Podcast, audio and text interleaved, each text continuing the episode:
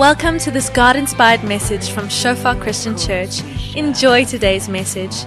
May you experience the presence of our Father and may you grow deeper in your relationship with Him.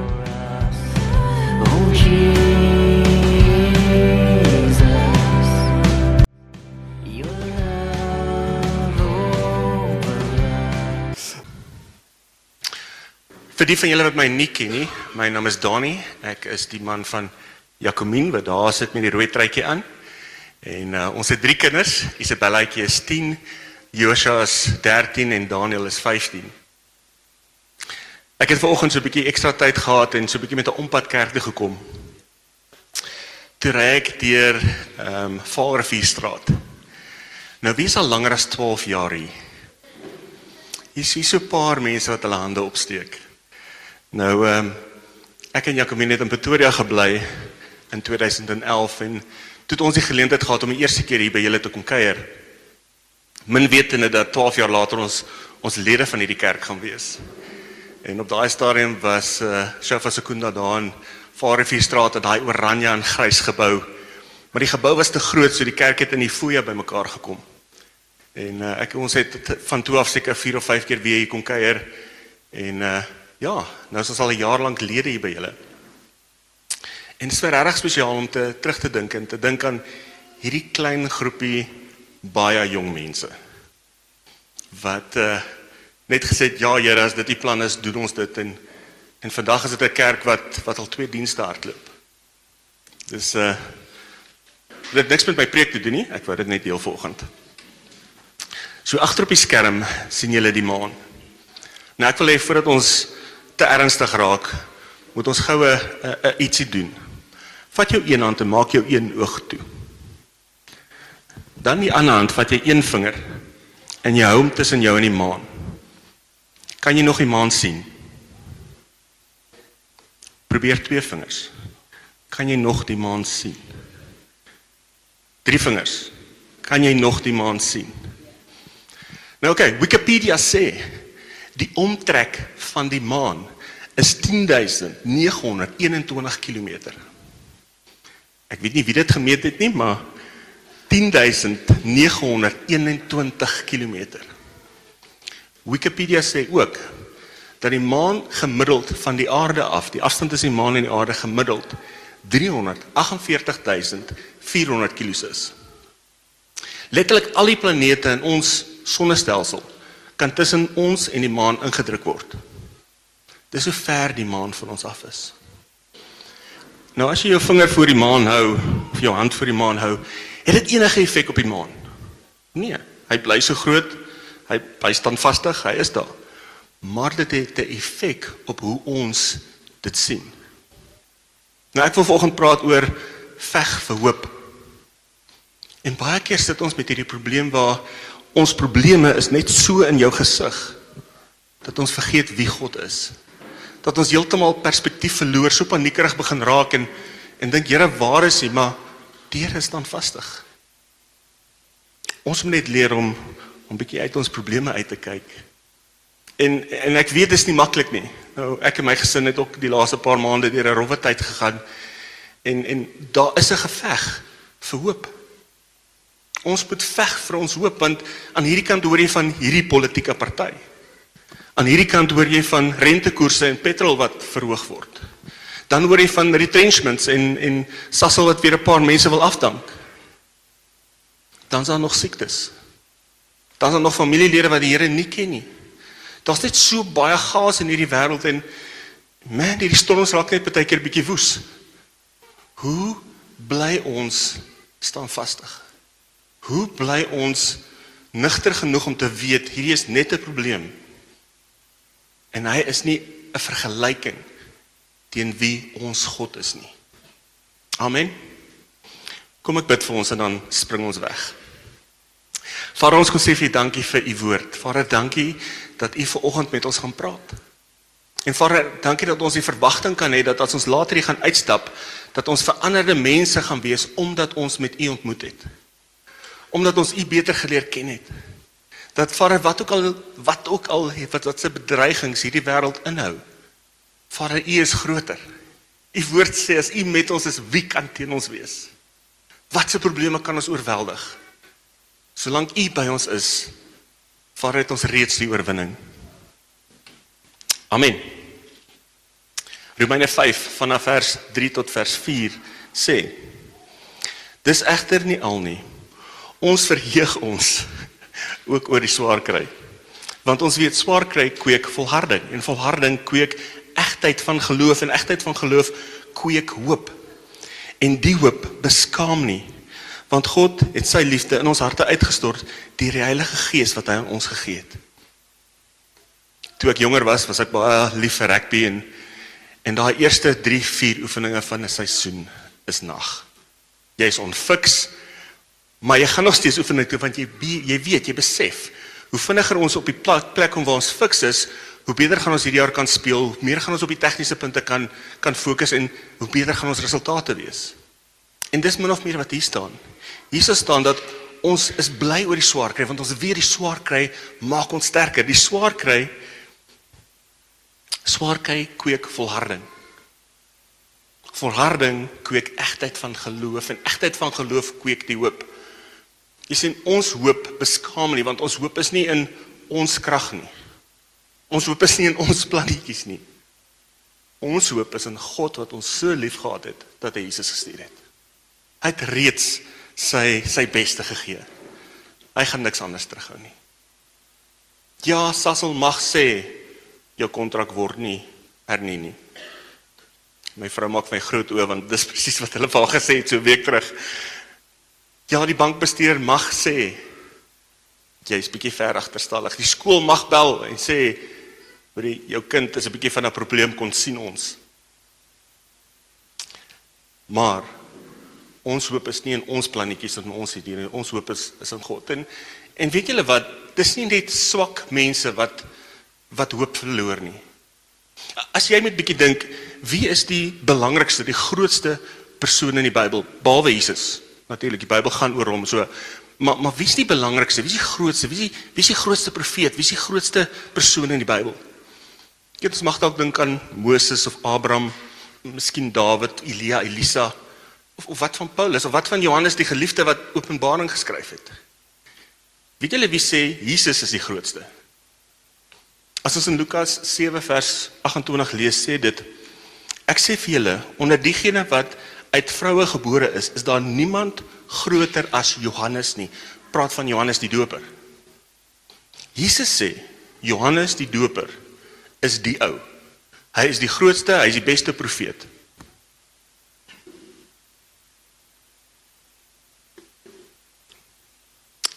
Maar het hulle geweet dat Johannes op 'n stadium hoop verloor het? Ons gaan net 'n bietjie vroeg voor jy vorentoe of terug met uh, Lukas 7. Die verhaal begin ek so by Lukas 7 vers 11. Jesus kom by 'n dorpie aan en soos hy wil instap, kom hierdie skare mense uit 'n begrafnisoptog. Daar's 'n jong man oorlede en hy was die enigste seun van 'n weduwee. Jesus kyk na hierdie begrafnisoptog en hy kry die mense innig jammer. En hy stap na die die lijk toe en hy sê staan op. Die Bybel sê die jong man het regop gesit en dadelik begin praat. Nou ek neem aan hy moes 'n moes 'n ekstrovert gewees het. Hy kon nie meer wag om te praat nie, jy weet, hy, hy het net dadelik begin praat. En uh die stories van Jesus wat die man uit die dood uit opwek, versprei soos 'n veldbrand. Almal hoor daarvan. Tot Johannes die Doper wat in die tronk sit. So ons gaan begin lees van Lukas 17 vanaf vers 18. Johannes se disippels het hom van al hierdie dinge vertel. Van Jesus wat die dooies opwek, van Jesus wat die mense genees. Johannes het toe twee van sy disippels laat roep en hulle na die Here toe gestuur om te vra: Is u die een wat sou kom of moet ons iemand anderste verwag? Eina. Is u die een wat sou kom of moet ons vir 'n ander wag? Toe die mans by hom aankom, by Jesus aankom, sê hulle Johannes die Doper het ons gestuur, het ons na u toe gestuur om te vra: Is u die een wat sou kom of moet ons iemand anderste verwag? Op daardie oomblik was Jesus besig om baie mense van hulle siektes en hulle kwale en bose geeste te genees. en om baie blindes weer te laat sien. Hy het hulle geantwoord: "Gaan sê vir Johannes wat julle gesien en gehoor het. Blindes sien weer. Verlamdes hoor. Melaatses word gereinig. Dowes hoor. Dooies word opgewek. En aan die armes word die goeie boodskap verkondig. Johannes sit in die tronk en hy is omring deur tralies. Hy's dag en nag word hy opgepas deur ongoddelike wagte. Hy het nie meer gemeenskap nie. Hy verloor hoop en hy sê Jesus, is jy die een? Waar's jou weermag? Wanneer gaan jy my uit die tronk uit kom haal? Wanneer gaan jy hierdie Romeine uit ons land uitjaag? Is jy die een of moet ons iemand anders te verwag? Nou hierdie is dieselfde Johannes waar ons van lees in in Lukas 1, Lukas 1 vers 39. Maria swanger met Jesus gaan kuier vir Elisabet swanger met uh, Johannes die Doper. En toe Maria haar groet, toe spring die baba in Elisabet en en die Bybel praat van sy word gevul met die Heilige Gees. Voor sy geboorte het Johannes al Jesus erken. Maar nou twyfel hy, nou vra hy, is u die een? Dis dieselfde Johannes wat ons in Matteus 3 vers Matteus 3 van ver van lees wat Jesus gaan doop het. Hy was daar toe Jesus uit die water uitkom. Die Bybel praat van die Heilige Gees het op hom neergekom soos 'n duif. Daar was 'n stem wat gesê het: "Hierdie is my geliefde seun in wie ek welbehaag het." Johannes was daar. Hy het Jesus gedoop. Hy het dit gesien. Maar hierdie tralies raak so groot dat hy perspektief verloor van wie die Here regtig is. Hoe baie van ons sit in in 'n tronk, in 'n tronk van vrees en 'n tronk van finansiële gaas en 'n tronk van 'n huwelik wat nie wil werk nie. Hoeveel van ons sit in daai situasie wat Here kan U regtig iets doen? Kan U regtig my kom help? Kan U regtig 'n antwoord gee in hierdie hierdie situasie? Dis my baie kosbaar hoe hoe Jesus Johannes antwoord. Die boodskap wat hy terugstuur. Hy sê nie vir hom gaan lees die ou boeke en kyk waar ek hierdie profesie vervul het nie en waar waar hierdie profesie oor my praat nie. Hy sê vir die disippels van Johannes gaan gedeel, gaan deel julle getuienis. Gaan vertel wat julle gehoor het, wat julle gesien het. Hoe veg ons vir hoop? Nommer 2 is getuienis. Punt nommer 1. Na wie se getuienis luister jy? Die Bybel sê die engel sê, "Will overcome them by the blood of the lamb and the word of their testimony." Ons sal die duiwel oorkom deur die bloed van die lam en ons getuienis. Die getuienis dat Jesus vir ons gesterf het, die getuienis dat dat ons lewens anders is as gevolg van hom. Maar weet julle die die teenoorgestelde werk ook. Ek het op 'n stadium 'n uur in die oggend en 'n uur in die middag in my kar spandeer tussen werk en huis. En op daai stadium was ek nogal mal oor 702 Talk Radio. Maar ek kom by die kerk en en dan kom ek agter ek is ek is kwaad. Ek is opgewerk. En en ek weet nie hoekom nie. En toe kom wys die Here vir my ek het sopas 'n uur in 'n kar spandeer met mense wat inbel en kla oor korrupte polities po, pol, politicians, politikuste. Ek het 'n uur in die kar spandeer met mense wat inbel en sê hierdie verkeerslig werk nie. Hier's 'n slaggat. Wanneer gaan iemand iets doen? Mense wat praat oor korrupsie, hierdie politikus wat nou weer gesteel het of of hierdie probleem. Dit is die getuienis wat ek ingelaat het. En ek het ongelukkig geraak Wat gebeur as ons elke week sê 10 ure 'n week televisie kyk en Sondag vir 'n uur en 'n half in die kerk sit? Wie gaan in ons lewe verteenwoordig word? Hollywood of God? Wie se getuienis laai ons ons harte en ons gedagtes vol van? Maar aan die ander kant het die wêreld ons getuienis nodig. Die wêreld het nodig om ons goeie stories te hoor. Van hoe ek verlore was, hoe die Here my kom haal het en hoe ek gered is.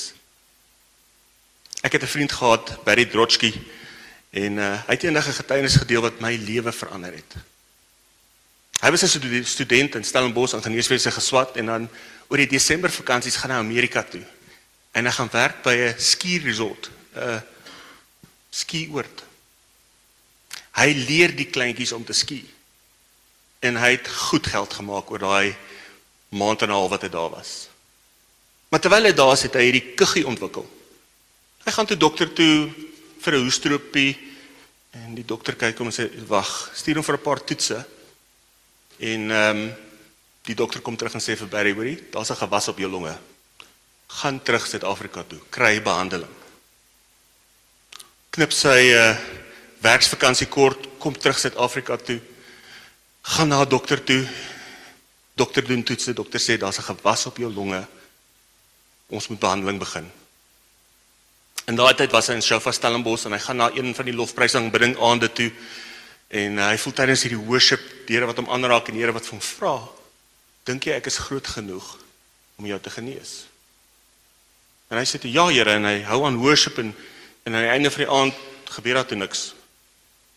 Twee weke later gaan hy terug dokter toe. Hulle moet nou sy program uitwerk van sy chemo en sy behandeling en dokter doen weer 'n paar toetse en die dokter kom terug en sê maar maar jy's nie meer gewas nie. Hier is nie meer iets op jou longe nie. Dit het my lewe verander tot die punt waar ek baie vinnig vir iemand gaan bid wat siek is. As jy siek is, kom na die tyd, ek bid vir jou. Ons Here genees. Die wêreld het nodig om ons getuienisse te hoor. Hoeveel van ons sit hier met met ons het dwelmprobleme gehad, maar die Here het ons vrygemaak. Ons het gedink aan egskeiding, maar die Here het kom red. Het nie werk gehad nie. Maar die Here het kom werk gee. Die wêreld het nodig om ons getuienisse te hoor. Sien die Bybel sê geloof kom deur te hoor en die hoor van die woord. Vul jouself met God se woord. Vul jouself met godly getuienisse. Veg vir daai.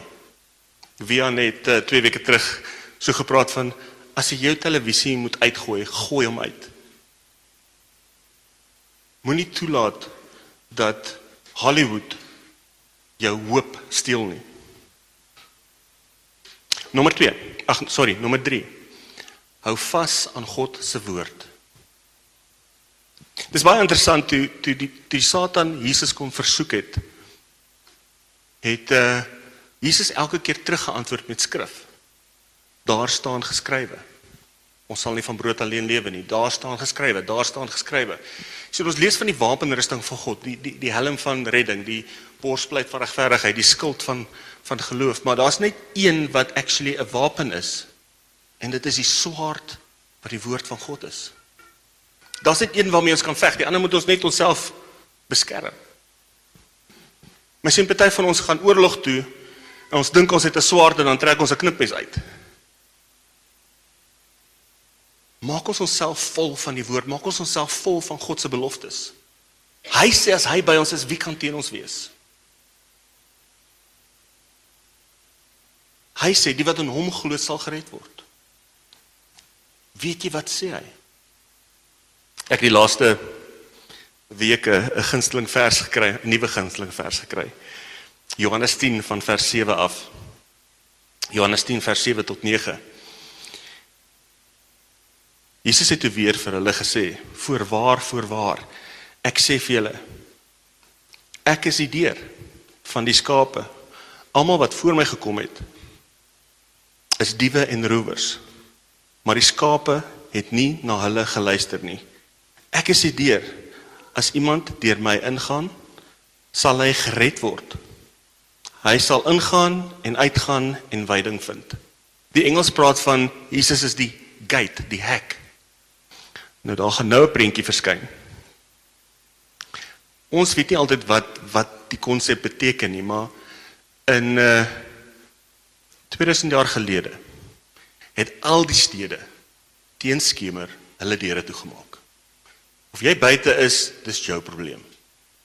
Baie keer het die herders bietjie laat aangekom want die skape is hardkoppig. Skape wil nog die lammetjie het verdwaal. Dan kom hy by die toedeure en wat dan? Nou naby die ingang van die stede was daar altyd sulke klipmure gebou. Sonder 'n hek, sonder 'n deur. Die herder lei die skape binne toe en dan word hy die deur.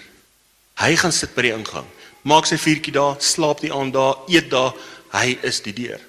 As die wolf wil inkom, moet die wolf oor hom kom. As die dief wil kom skape steel, moet die dief eers verby die herder kom. Jesus is ons deur. Weet jy dit? As jy by hom ingaan, gaan jy gered word. As jy by hom ingaan, gaan jy ook weer gelei word na plekke waar jy kan rustig vrede. Psalm 23 praat van groen weivelde. Waters waar daar vrede is. Dis wat die woord vir ons gee, maar weet ons wat die woord sê? Punt nommer 4. Hou aan bid. Roep uit. God soek verhouding met ons. Nou ek het die voorreg en ek weet ek gaan my seun laat bloos. Maar ek het die voorreg om so elke nou en dan, so elke 6 weke my oudste Daniel Pretoria toe te vat na die ortodontus toe. En dis vir altyd so lekker tyd om saam met hom in die kar te sit, want hy kan nie weghardloop nie. So dan kan ek hom vra oor so is daar 'n meisie in jou klas waarvan jy hou. dan kan ek hom vra oor hy moet nou vakke kies. Watse vakke wil hy kies? Wat wil hy eendag word? Weet mense kan met hom 'n gesprek voer. God wil 'n gesprek met jou voer. Hy wil hê jy moet met hom gesels. Hy wil hê jy moet hom toe kom en ek sit met hierdie probleem, Vader. Wat doen ek nou? En ek weet as as, as dinge swaar gaan, bid is moeilik. Ek het uh, ek was 'n paar maande sonder werk en dan gaan laai ek kinders by die skool af en gaan stop ek daar by Eentjiedam en dan stap ek om die Eentjiedam en bid. En uh, en baie oggende dan dan stap ek maar net. jy weet nie wat om te sê nie, jy weet nie meer wat om te bid nie. Ek weet. Maar dan sê jy Here, ek luister, praat met my. God soek verhouding. Hy soek dat ons met hom bid. 1 Tessalonisense 5 vers 7 sê, bid sonder ophou. Psalm 50 vers 15 sê, roep my aan in die dag van jou benoudheid en ek sal jou uithelp en jy moet my eer. Dis 'n uitnodiging wanneer die pop op die venster stryk, wanneer die gas daar is, wanneer die storm te veel word, roep uit en ek sal jou red. In Matteus 6, dis nie op die op die projekte nie, maar in Matteus 6 kom die disippels na Jesus toe en sê: "Leer ons om te bid, soos Johannes die Doper ook sy disippels geleer het om te bid." En Jesus het die geleentheid om om half die disippels aan aan God voor te stel. Hoe praat ons met God? Hoe hoe kom ons na hom toe? En en sy woorde is my ek weet nie of jy al oor daaraan gedink het nie. Hy kon vir sy disippels geleer het begin bid deur te sê heilige God. Begin bid deur te sê almagtige Skepper. Alfa en Omega, die begin en die einde. Maar hy besluit om te sê as jy bid, sê dan ons Vader. Pa. Ek weet nie wie van julle het nog paas nie, maar toe my pa nog gelewe het, man as 'n kar koop, bel ek hom Pa, wat dink jy van hierdie kar? As ons moet trek, bel ek hom. As ons 'n groot besluit moet maak, bel ek hom. Hy is so 4 jaar terug oorlede. Maar nou praat ek met my hemelse Vader. Wat se kar moet ek koop? Wat se besluit moet ek maak? God soek verhouding.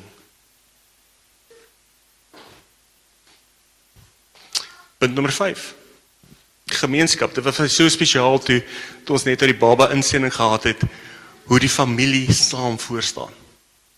Hoe daar 'n gemeenskap is wat sê ons gaan ons gaan jou help. Niemand van ons is gemaak om alleen te staan nie. Die Bybel sê of Jesus sê ons Vader, nie my Vader nie. Meervoud, gemeenskap. Jy gaan dit nie op jou eie maak nie. Jy het mense om jou nodig. God gebruik mense. Hierdie ene bid vir jou. Daai ene bemoedig jou met sy getuienis. Hierdie een spring in en help. Dit is my so kosbaar as ek hoor van van 'n baba wat in die gemeente gebore is en en hoe die sel mense kos aandra. Jy het toe, toe ons kinders gehad het, Toe of, of toe ons kinders gebore is 15 jaar terug, was dit presies dieselfde. Mense het kos aangedra. Mense het kleertjies gebring. Mense het doeke gebring. Doeke was baie duur daai tyd. Ons het gemeenskap nodig. Ons het mekaar nodig. Ons het mekaar nodig om om om te help. Om te ondersteun. Die Bybel sê in Prediker 5, ag Prediker 4 van vers 9 tot vers 11. Twee is beter as een, want hulle het 'n goeie beloning vir hulle moedsame arbeid. Moedvolle arbeid. Ek het 'n uh, jare terug gepreek gehoor oor en en die dominee het op daai stadium die die vergelyking gebruik met hierdie groot Europese trekperde wat hulle gebruik om die die afgesaagde dennebome uit die bosse uit te sleep. Het een van daai trekperde kan 2 ton sleep. Maar as jy twee saam inspann, nie 4 ton nie, 8 ton. Hulle krag verdubbel. Dit multiply multiply. As ons saam staan, kan ons soveel meer bereik.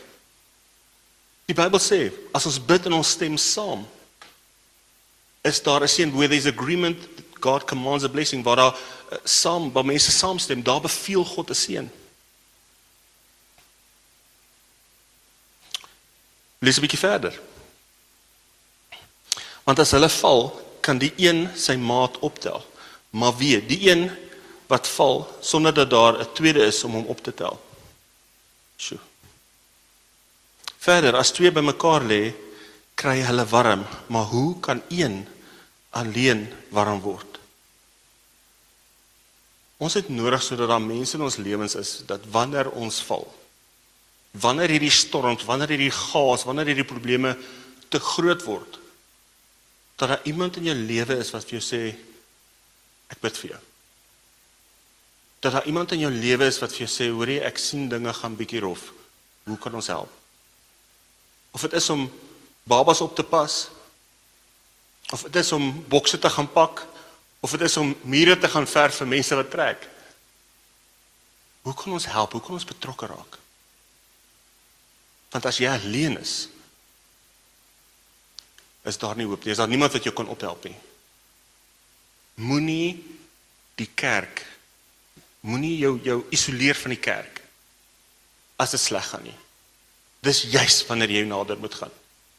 Selfs Jesus toe hy in die tuin van Getsemane voordat hy gekruisig is gaan bid het, het hy drie van sy disippels saamgevat.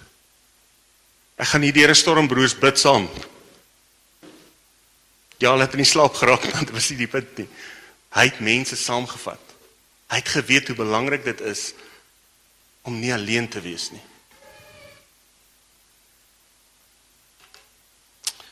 Punt nommer 6. Psalm 121.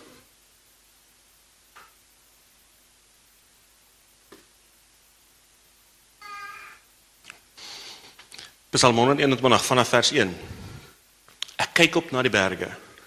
Waar sal my hulp vandaan kom? My hulp kom van die Here wat hemel en aarde geskaap het, wat trou bly tot uh sorry. Ek gaan van voor af begin. Ek kyk op na die berge, waar sal my hulp vandaan kom? My hulp kom van die Here wat hemel en aarde gemaak het. Hy sal nie toelaat dat jou voet struikel nie. Ja. Beskermer jou beskermer sal nie insluimer nie. Kyk, die beskermer van Israel sluimer nie in nie en hy slaap nie. Die ou vertaling het gesê ek hef my oop na die berge waar sal my hulp vandaan kom? My hulp kom van die Here wat hemel en aarde geskaap het, wat trou bly tot in ewigheid en nooit die werke van sy hande laat vaar nie. Die Psalm word so verduidelik, dis 'n 'n samewesent. Terwyl die Israeliete op pad was Jerusalem toe, het hulle mekaar deur hierdie Psalm bemoedig.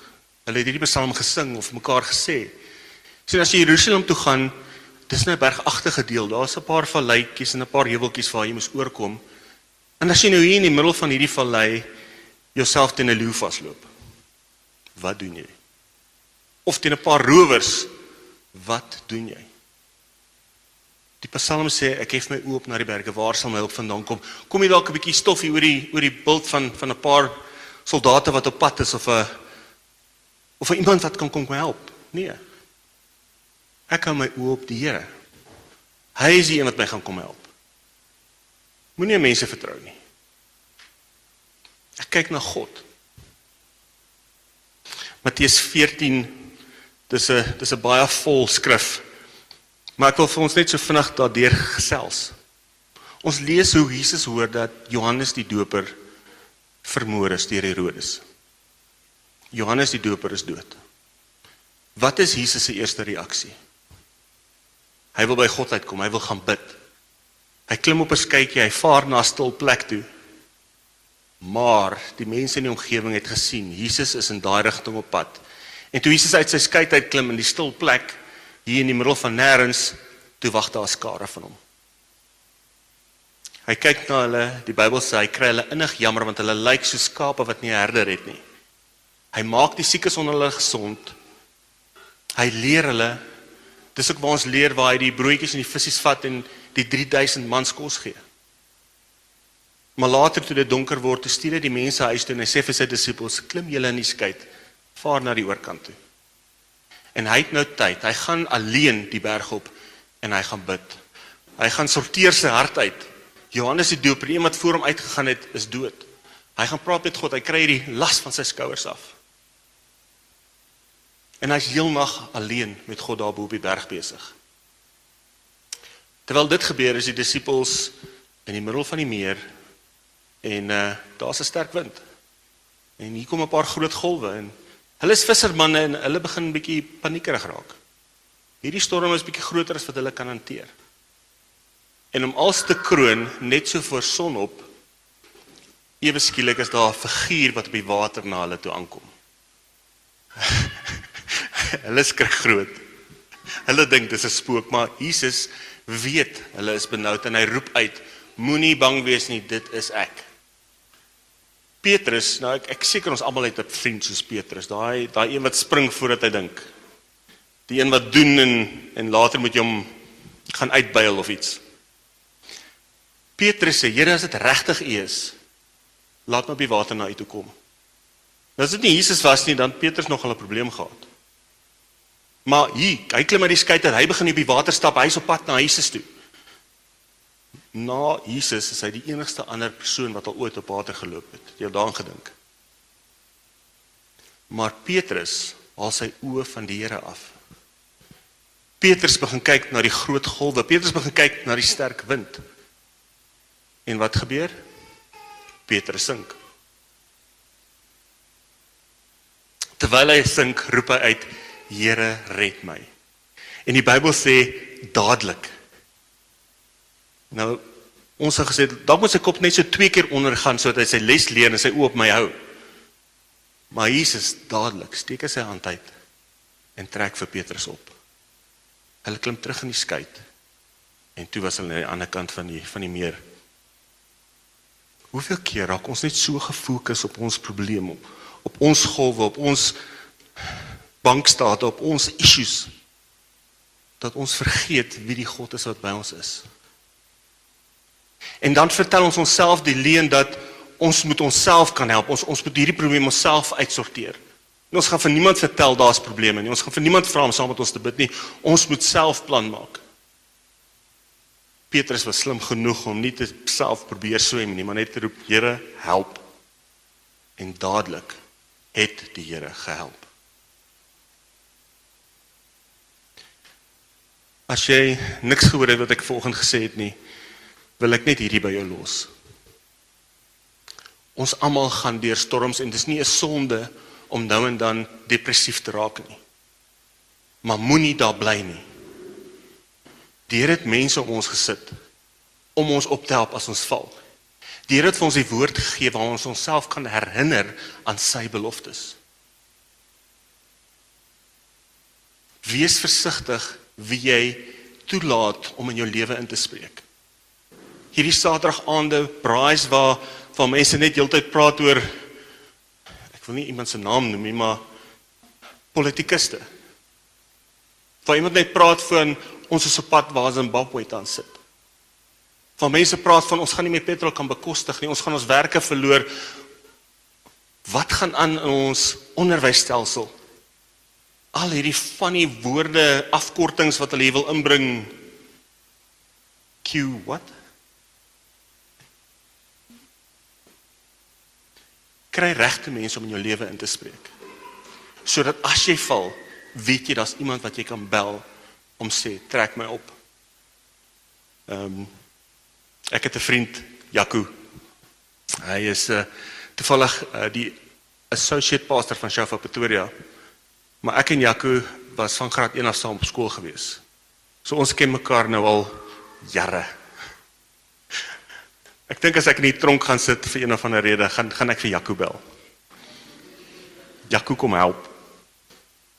Jy weet ek het die voorreg gehad om by sy troue te wees, ek het die voorreg gehad om sy pa se begrafnis te doen. Het jy mense in jou lewe wie jy kan bel as as as daar regtig chaos is? Mense wat jou kan herinner om te sê, "Hoerie, ek was saam met jou die dag daar toe die Here jou geroep het." Ek was daar die dag toe jy getrou het. En ek gaan al moet ek in jou sitkamer kom slaap nie toelaat dat jy of jou vrou uittrek nie. Julle bly by mekaar. Ons almal gaan deur moeilike tye. Ons almal verloor mense vir wie ons lief is. Ons almal kyk na hierdie storms maar vir almal wat Jesus gekies het is daar 'n ewige hoop.